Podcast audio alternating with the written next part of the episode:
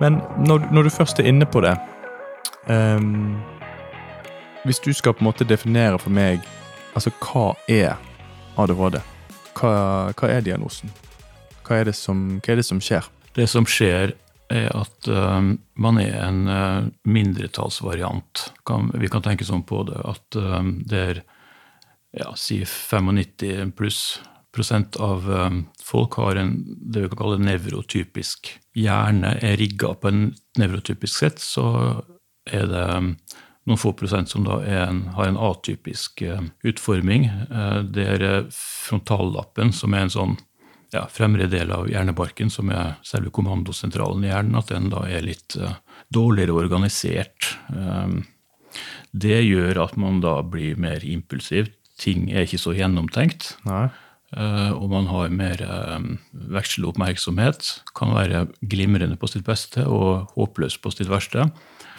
uh, det, det, kan skape problemer individuelt, men for helheten for den store gruppa så er det jo helt klart fordelaktig at det er noen som eh, er mindre engstelige for å ta risiko, som gjerne får eh, nye ideer, altså vil prøve ut ting ingen har prøvd ut før. Ja. Som da kanskje er de som finner en, en ny vei. Istedenfor å gå den tunge veien over fjellet for å komme fram til jaktmarkene, så er det noen som har prøvd ut å padle på en uh, uthula stolpe og komme rundt nesset og mye raskere Ikke sant? fram. Og ja. Noen kan være fortroppa, kanskje ADHD-erne var fortroppa i, i urtida og um, prøvde på ting, og hvis de ikke kom tilbake, ikke overlevde, Nei, så, så holdt gruppa seg til de gamle rutinene. Og hvis ja. de kom jublende tilbake og hadde funnet på noe som funka, så fulgte resten etter. Ikke sant. I dag så er jo problemet at um, det kan være fordeler med ADHD på sin måte, men um, når vi lever i et sånt gjennomregulert uh, informasjonssamfunn, så er det klart at kravet til struktur og vedvarende oppmerksomhet og systematikk og kontroll over seg sjøl er mye, mye større. Absolutt. En ting som jeg tror du er opptatt av, og som du har um, gjort mye bra med, er jo at vi um, i vår moderne verden også beveger vi oss jo nesten ikke. Altså, man kan jo velge å bevege seg, uh, som du gjør, og ha nytte av det, men men det kommer ikke av seg sjøl. Før kom kommer av seg sjøl. Man var jegere og samlere og uh, var i kroppsarbeid. Uh, eller brukte kroppen, gikk, mm. bevega seg mye. Uh, Men liksom hverdags, si, hverdagsaktiviteten var jo i mye, mye større. Mye høyere grad. Mm. Man hadde jo heller ikke en iPhone eller en TV eller den type ting. sant? Man var ute store deler av døgnet, og enten det var jobb eller rekreasjon. Mm. mm mer fysisk aktivitet og mindre distraksjoner, som du sier. Ikke sant. Sånn at, Men vil du på en måte si at, uh, som du nevner med, med den måte, mer moderne verden nå, som stiller mye større krav til, til nettopp disse funksjonene i frontallappen, som kan være veldig utfordrende for de med ADHD, vil du si at, uh, at hva skal vi si, den, gamle verden, altså, og vi trenger ikke gå fryktelig langt tilbake den nærmest var mer tilpasset eh, de med ADHD. At rett og slett eh, eh, er det, kanskje, er det kanskje derfor det for diagnosen i seg sjøl er jo sånn sett egentlig veldig ung, hvis du skal si i, mm -hmm. i et årsperspektiv, da. mens den har jo vel sånn sett mest sannsynlig alltid eksistert på en eller annen form. Sant? Så rett og slett at vår moderne tid ja, kanskje ikke er den aller mest forgiving hvis du har den diagnosen. Mm -hmm. ja. Det er noen, noen, ting som er helt klart er ugunstig da, med vårt levesett nå. Uh, det kunne ha vært mer uh, rom for det i tidligere tider, men samtidig så er det jo noe med at ja, kanskje det med normbrudd og atferdsvansker og impulsivitet Det er ikke sikkert at det nødvendigvis ble så Høyt satt pris på tidligere heller, nei. Ikke sant? Nei. At vi i beste fall nå i siviliserte samfunn har mer eh, forståelse for det da, og håndterer det på en bedre måte. Ja. Men det, det, som jeg syns er fint å tenke på, er jo at eh, ADHD, den uh, mindretallsvarianten som noen av oss har, den finnes fortsatt. Mm. Og det betyr jo at den har, uh, er en vinnerformel da, for menneskeheten. Altså De tingene som ikke fungerer, de forsvinner jo. Det blir jo selektert bort gjennom evolusjonen. Ja. Geirfuglen forsvant. Ja. ADHD består. Ja, sant?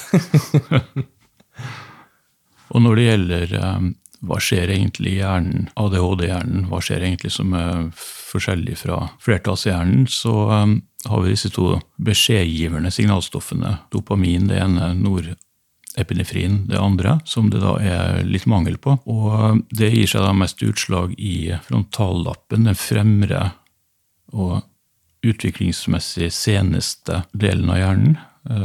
Fremre del av hjernebarken, den som ligger bak pannen, den er veldig avansert. og Der skal alt uh, koordineres til en slags eh, kommandosentral, som brua på et skip, der all informasjon kommer inn og skal håndteres og prioriteres og sammenholdes. Det er et annet problem også med å ha for lite av disse to signalstoffene, og det er at um, forbindelsen mellom frontallappen og de andre delene av hjernen er noe skadelidende. De nerve nettverkene som skal forbinde de ulike delene av hjernen, er også litt dårligere fungerende enn hos andre. Så satt på spissen så kan man da si at hjernen eh, for en ADHD-er, for oss, så, så, fungerer den litt mer sånn stykkevis og delt. Ja. Eh, ikke så godt integrert, og ikke så mye som en helhet som den egentlig eh, bør gjøre. Nei. Det kan da eh, En annen måte å si det på er vel rett og slett at eh, Eh, hvis vi skiller mellom kunnskapshjernen og utføringshjernen, ja. så er, det, er, alt på stell i kunnskapshjernen. Altså lengre bak da, i hjernebarken så er, har man all informasjonen tilgjengelig, man har all kunnskapen. Man, eh, man kan like mye som andre. Man evner. Ikke sant? Men når det gjelder å utføre eh, og sette sammen den kunnskapen, nyttiggjøre seg den og utføre ting i praksis, så er det mer eh, variabelt. Noen ganger veldig bra, andre ganger slett ikke så bra. Eh, et eksempel der er jo um, det, ja, det er jo et av kjernesymptomene da, på ADHD, impulsivitet eller manglende impulskontroll. Det er en typisk eh, eksekutivfunksjon. Det er en sånn frontallaps, eh, det skjer i frontallappen. Mm. Vi har eh, vedvarende tilfang av ideer og tanker og uh, si, forslag til hvordan vi kan gripe an ting, eller hva vi har lyst til å gjøre. Og så skal jo da mm, det skje et indre arbeid da, med å vurdere hvor lurt det da kan være, og hvilke konsekvenser det vil kunne ha hvis jeg utfører den handlinga eller sier den setninga. Hva vil det da føre til? Er det noen som kan komme til å reagere på det? Vil det være risikabelt på noen måte? Eh, og det er først um, i en normalsituasjon, i en gunstig situasjon, det er først når man har vurdert nøye fram og tilbake om det er lurt eller ikke, med tanke på konsekvensene, at man da utfører det. Er man impulsiv, så kan det gå rett fra tanke til handling.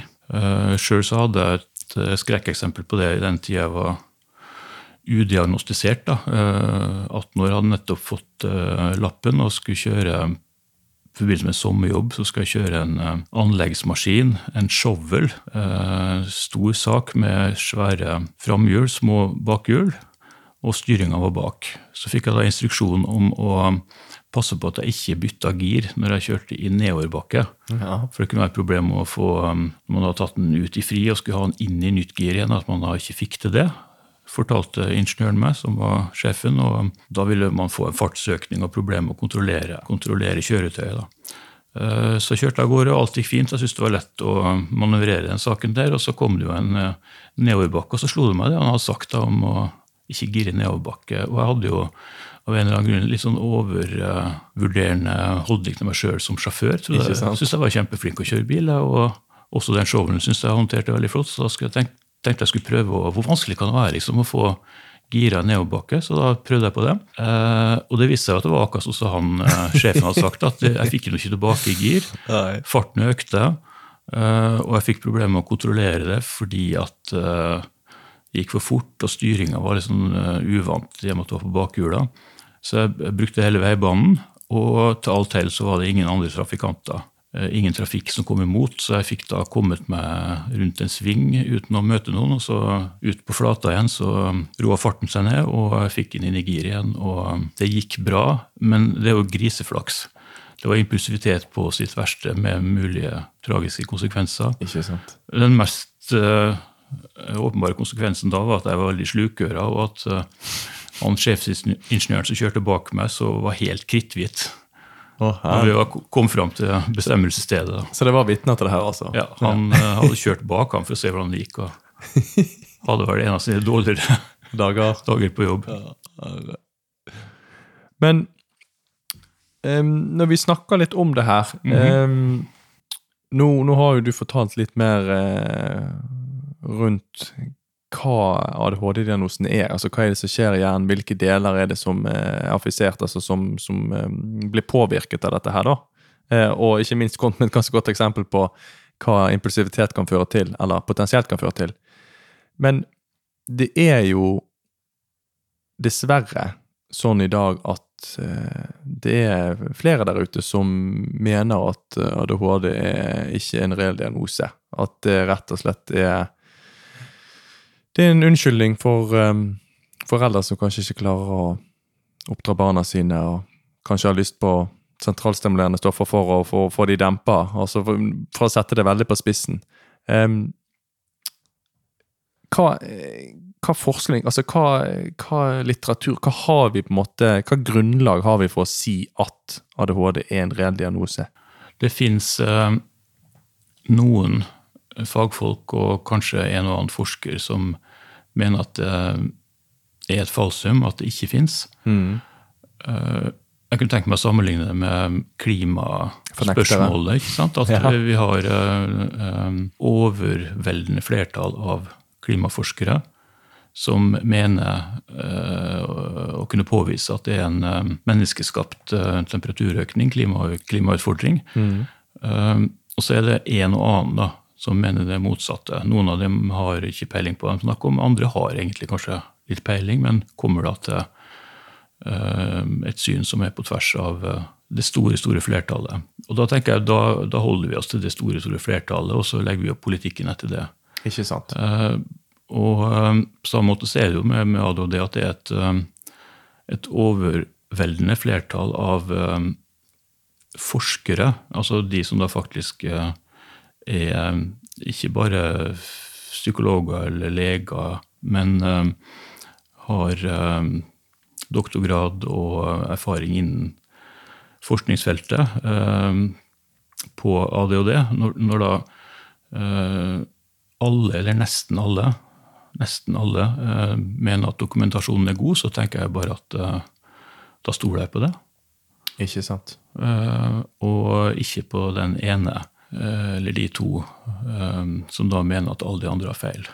Men, men vil, vil, det, vil du på en måte si at eh, kunnskapsgrunnlaget rundt ADHD er, det er sterkt og, og solid, rett og slett? Nå er det, nå er det veldig solid. Det er godt vitenskapelig underbygd, og vitenskap eh, har vist seg å fungere. Eh, altså det er jo vitenskapelig tenkning som eh, gjør at vi kan fly.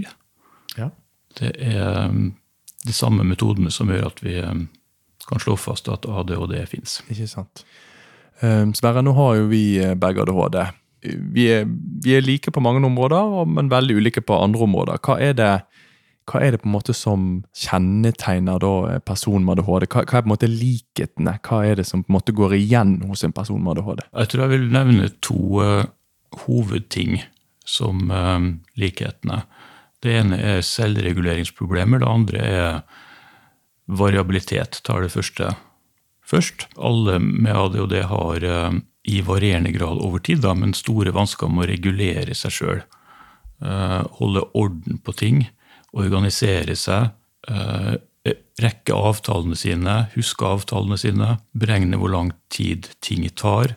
Alt som går på å regulere seg sjøl i verden, styre seg sjøl, holde orden, eh, er man eh, generelt svakere på. Og det gir noen konsekvenser med eh, Altså, det å ikke klare ting som de fleste andre klarer, vil jo gjøre at man blir rett og slett Ser på seg sjøl som annerledes, dårligere. Mislykket. mislykket. ikke sant? At man kan få mange sviktopplevelser og bli nedfor og deprimert av det. Eh, Punkt nummer to, som er et veldig kjennetegn med ADHD også, er at det er så variabelt. Altså samme person fra time til time, fra dag til dag. Det er en amerikansk psykiater som heter eh, William Dodds, som problematiserer det eh, med tanke på at det heter oppmerksomhetssvikt, at, man, altså at det er oppmerksomhetsvansker, at man har en oppmerksomhetssvikt. For han mener jo at det ikke stemmer generelt, fordi at på sitt beste så er man helt glimrende. Eh, vi har fenomenet hyperfokus, eh, der man kan ha en strålende oppmerksomhet. Sjalte ut alt annet og også være utholdende. Mens man på andre dager eller til andre tider kan være helt altså veldig uoppmerksom og avledbar og fungere dårligere. Og det at det er så variabelt, eh, er et problem i seg sjøl, for da mm, gir det Altså Man får en uforutsigbarhet. Man vet ikke hvordan man skal planlegge. Eh, man har en oppgave neste dag, og så tenker man at ja, det kan hende det går helt strålende, men det kan også hende at det går dårlig. Det er en usikkerhet, en utrygghet å forholde seg til. Og så vil det jo også være forvirrende for andre, som da ser at eh, man varierer fra det briljante til det håpløse. Ja, Det vil rett og slett bli litt uforutsigbart for både en selv og for, for andre rundt den. Ja, og, og det blir uforutsigbart, og i tillegg så vil andre kunne bomme på forklaringer. Eh, når man ser noen er så flink noen ganger, og så lite flink andre ganger, så kan man fort tenke at det må jo være noe med innsatsen her. Ikke sant? Eh, han eller hun kan hvis han vil, eller hun vil, mm. eh, så vedkommende må skjerpe seg. Ja. Det blir jo en vanlig ganske nærliggende forklaring for de andre som ser den eh, store variasjonsbredden. Da. Absolutt. Og jeg kjenner meg veldig igjen i det du sier, spesielt uh, dette med hyperfokus. Fordi jeg har jo hatt på en måte perioder, uh, og, og, og, da gjerne bare ikke sånn enkelt oppgaver, da, men perioder med, med, med, med, ting i livet mitt som har gjort at det, det nesten blir sånn altoppslukende. Fordi du, du får, som du sier, altså vedvarende utholdenhet, du er mm. superfokusert på det, og, og du finner løsninger du, du kanskje ikke hadde altså, du, du, finner, du drar så mye inn i det. da. Mm. Det trenger ikke være noe positivt sånn i seg sjøl, men altså, du blir så fokusert på det.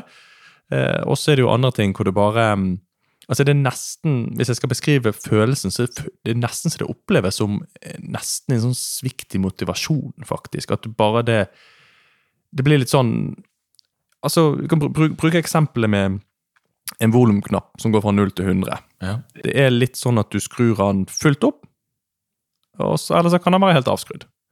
Og det, det der mellomsjiktet kan være litt vanskelig. Det har vel vært det tidligere for meg. Jeg har jo på en måte funnet strategier som gjør at jeg på en måte kan, kan mer hva skal vi si, tvinge meg til å holde meg eh, hva skal vi si, mer der oppe og få gjennomført ting. Men, men, men, men det, er, det, er, litt sånn av eller på altså, i, i mange tilfeller rundt det der. Det er et godt uh, poeng, eh, Kjetil. Og det med motivasjon er veldig sentralt ved ADHD. Og at den er så forskjellig fra det den er hos de fleste andre.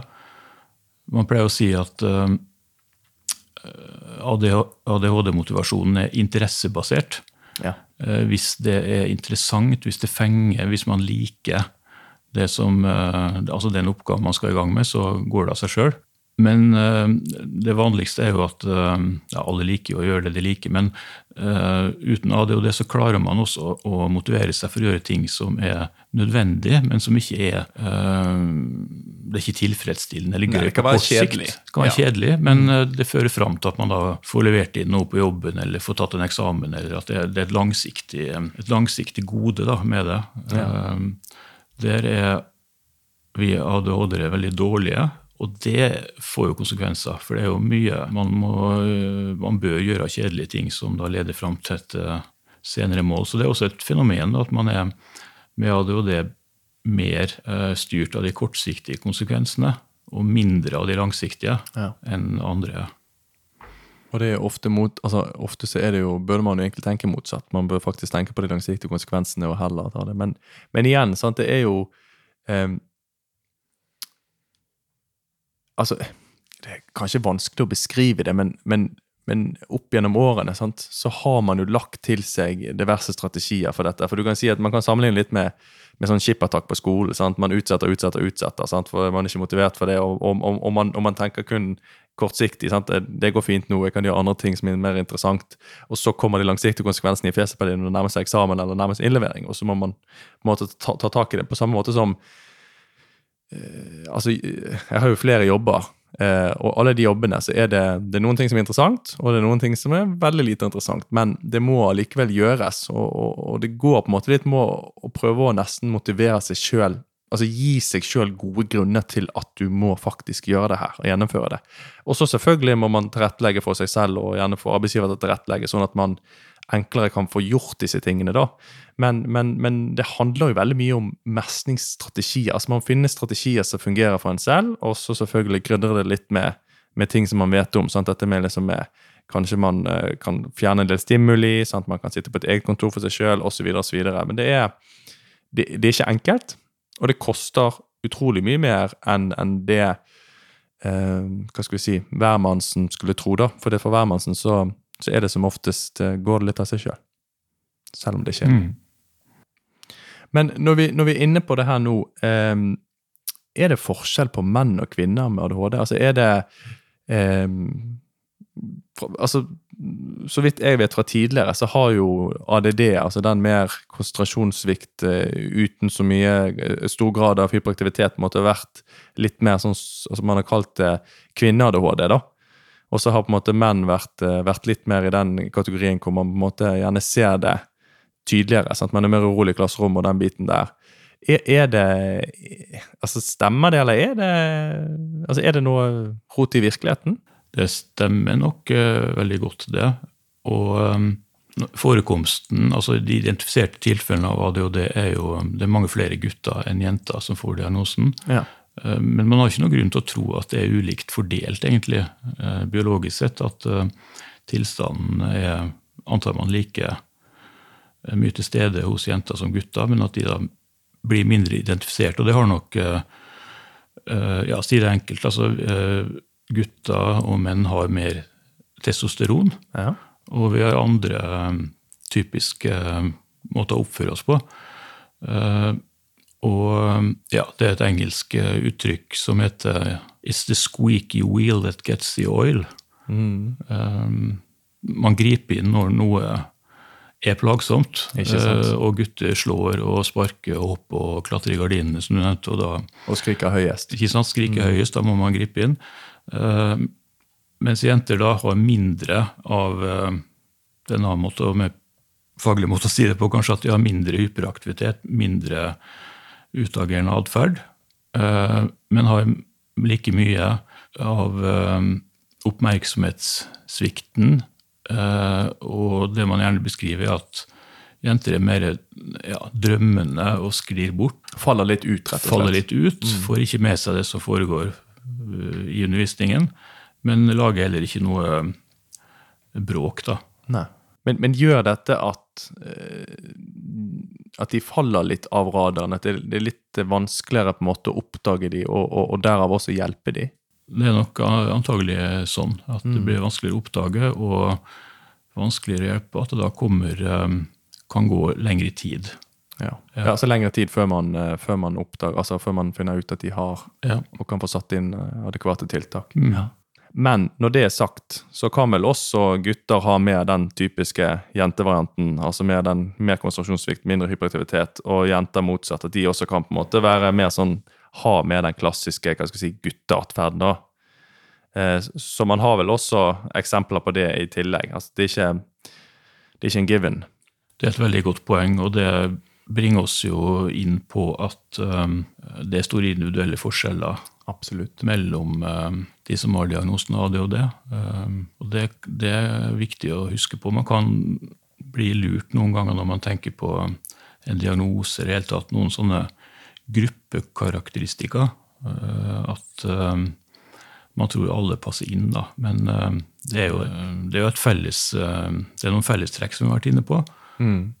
Men det er også store individuelle variasjoner. Så det, det typiske vil da være at gutt, gutt med ADHD er mer bråkete, jente med ADHD er mer eh, innadvendt og drømmende. Ja. Men som du påpeker, det fins stille gutter med ADHD, og det fins eh, bråkete jenter ja. med ADHD, så man må hele tida ta med det individuelle i betraktninga. Ja, og det er viktig. Og, og, og, der er vi jo igjen tilbake til kunnskap. sant? Det er um Altså, har du sett en med ADHD, så har du jo da sett én med ADHD. Mm -hmm. Ikke alle. Mm -hmm. det, er, det, er, den biten. Ja, det er mange ting som på en måte binder de sammen med, med, med, med fellestrekk, men det er også veldig store individuelle forskjeller. Mm.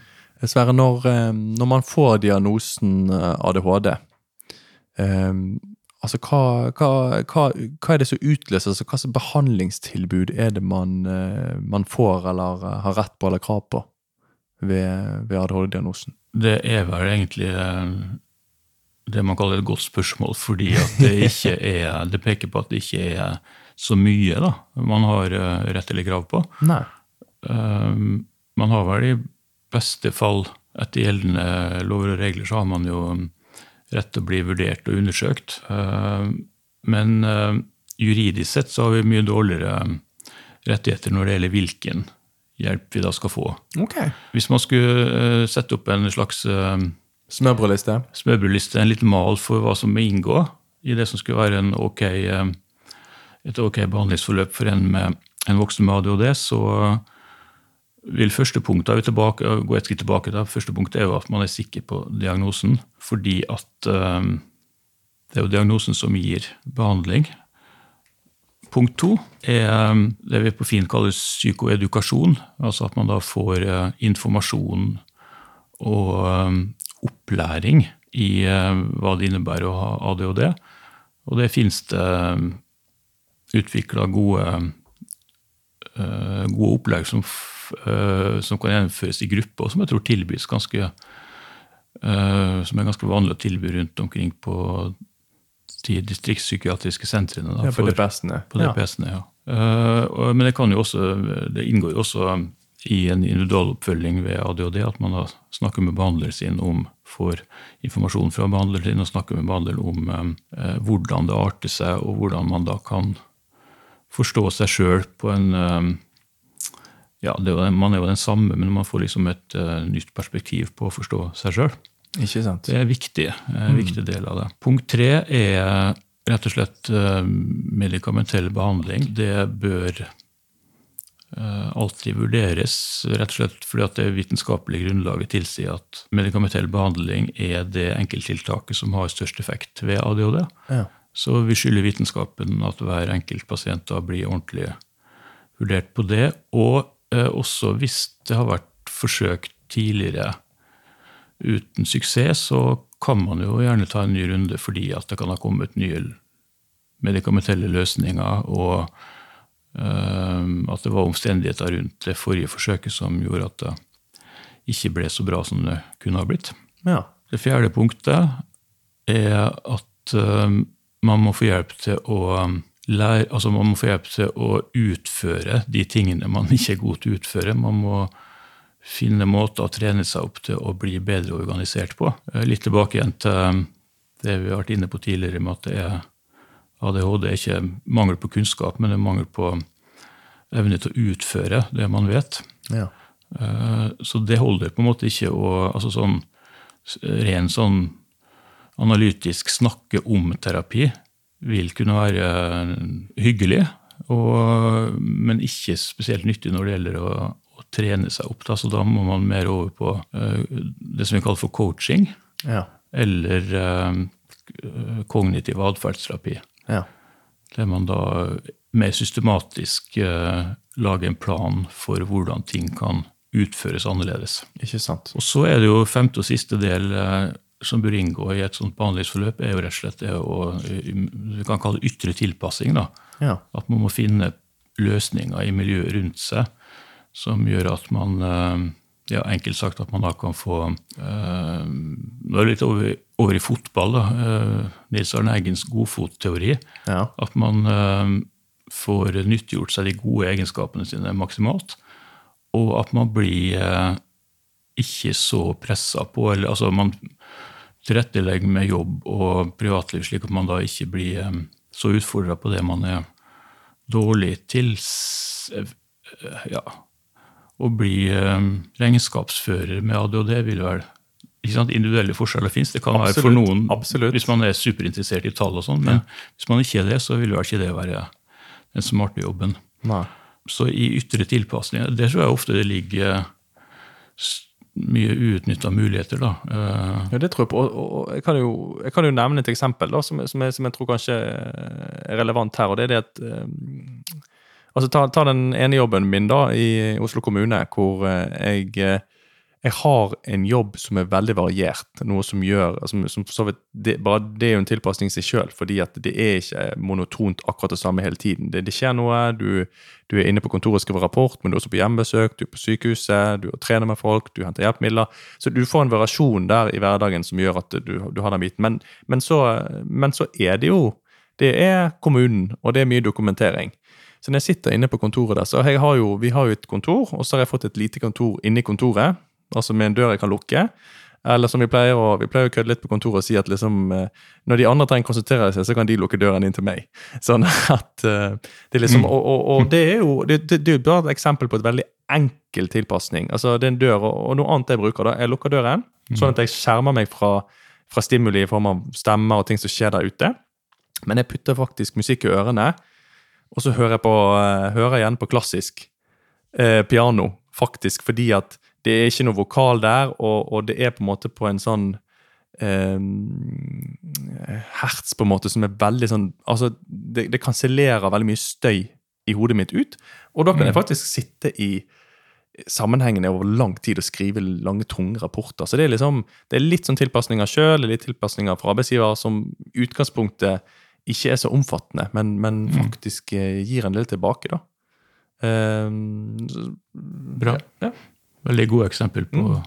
tilpasning. Mm. Ja. Nå har jeg jo hørt denne smørbrødlisten med på en måte disse fem punktene som du, du mener at uh, når man får diagnosen, så er det på en måte um, dette behandlingstilbudet man burde i hvert fall få, ja. og, og, gå innom og få vurdert. Mm. Og jeg tenker liksom, Når jeg hører det her, så tenker jeg at eh, ja, altså, om jeg har fått tilbudet om alle disse tingene her, det, det er et annet spørsmål. på en måte når jeg var yngre og sånn som det, men, men, men, for min del, da, tenker jeg, nå snakker jeg personlig erfaring, at eh, når jeg, fikk medikasjon når jeg var, eh, 9-10 år gammel, altså det var et stort must. Altså Karakterene mine gikk jo fra jeg gikk jo fra å være blant de, blant de Det var vel de tre dårligste i klassen akademisk sett til blant de ti beste på mm. under jeg tror det var i løpet av to-tre måneders tid. Mm. Eh, sånn at liksom man fikk måte eh, brukt emnet og konsentrert seg. Så for meg så var det kjempeviktig med medisin i starten. Um, hvordan det var etter hvert, det, det, det, er en lengre diskusjon, for å si det sånn. Men, men, men, men det andre jeg hører, det er, det er, det er informasjon altså, om diagnosen, om, om på en måte liksom potensielle konsekvenser her. Det er Eh, det er, det er, å jobbe altså kognitivt rundt dette med hvordan man skal håndtere det. sånn, altså det er, Hvis jeg skal oppsummere det, jeg mm. tenker det, det er liksom litt sånn livsmestring. da, ja. Og, og hjelp, hjelp, til å på en måte ta kontroll over livet sitt. Og, og, og da, eh, for de som på en måte har god effekt av medikasjon, eh, også, også, kunne få medisiner. fordi at det kan jo ta litt av denne der brodden av, av diverse symptomene. Eh, men, men nå, nå, er det jo, som vi har snakket om, mm. det er jo en del forskjeller her. Det er jo ikke alle mm. som får god effekt av medisin. Kanskje de får mye bivirkninger og sånn i, i tillegg. Um, hva, hva, tenker du på en måte litt rundt, rundt den biten her? For det, La oss da si at du har en person som responderer dårlig på medisin. Um, og som du nevnte innledningsvis, det, dette er ikke noe man har rett eller krav på, men dette burde man ha. Hvis man da står litt på bar bakke uten medisin, hva, hva, hva, hva, er det egentlig man skal gjøre da? Da har man jo fortsatt en del uh, muligheter. Da, og jeg tenker jo um, at uh, understrekninga av medisin som et eget punkt på den lista er jo mer med tanke på at uh, det er et krav eller en forventning til at helsetjenesten skal sørge for at det blir ordentlig vurdert, og at pasienten da får um, profesjonell hjelp til å vurdere og prøve ut. Nemlig. Uh, og så er det jo selvfølgelig noen som uh, ikke har effekt av det, ikke har for mye bivirkninger, eller som har livserfaringer som gjør at medikamenter blir generelt ja. blir trøblete. Mm. Og jeg har jo stor tillit til at folk klarer å finne ut av det sjøl, og at ikke er noe det blir på en måte ikke noe vi i helsetjenesten skal uh, vi, vi, kan informere om at uh, vi ønsker å sjekke det ut fordi at mange har effekt av det, men uh, så er det også noen som ikke har effekt, og at man har full forståelse for det og ikke presser noe videre på det, selvfølgelig. og Da står man jo igjen med at man kan trene på å drille inn bedre rutiner, og kanskje da få mer hjelp med det. og og så tenke kreativt rundt ytre, ytre tilpasning. Mm. Ja, men Absolutt, det er gode tips. Men la oss da si at eh, noen av lytterne våre nå eh, kjenner seg igjen i veldig mye av det vi har sagt. Eh, det, er, Mm, det, er gjerne en ja. person, altså, det er en person som ikke har ADHD, men sitter og tenker liksom Her er det mye kjent. Det er mye som, som, eh, som ringer en bjelle på her. Og så tenker de Jeg lurer på om jeg har ADHD. Um, hvordan er det de skal gå fram for å på en måte kunne grave litt dypere i det spørsmålet? Da vil det være naturlig å um, bestille en time hos fastlegen sin, Mm. og ta opp det spørsmålet med legen. Ja. Og um, da vil eh, ja, Fastlegene i Norge er flinke og har god kunnskap om hva de skal gjøre når det kommer et spørsmål om ADHD. De har noen screeninger de tar og prater litt rundt det og kan kanskje sjekke ut om det er noe medisinsk, altså noen sykdomsting som kunne vært forveksla med, og sjekke ut det.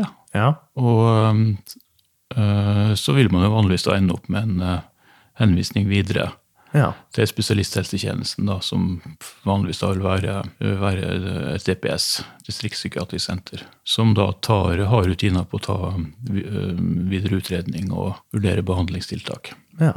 Så jeg vil si fastlegen er um, naturlige startpunktet. Eh, skulle man da ha en fastlege som eh, ikke er villig til å høre på det, eller syns det er noe tull, og sånn, så får man jo vurdere å bytte fastlege eller gå til en annen. Mm.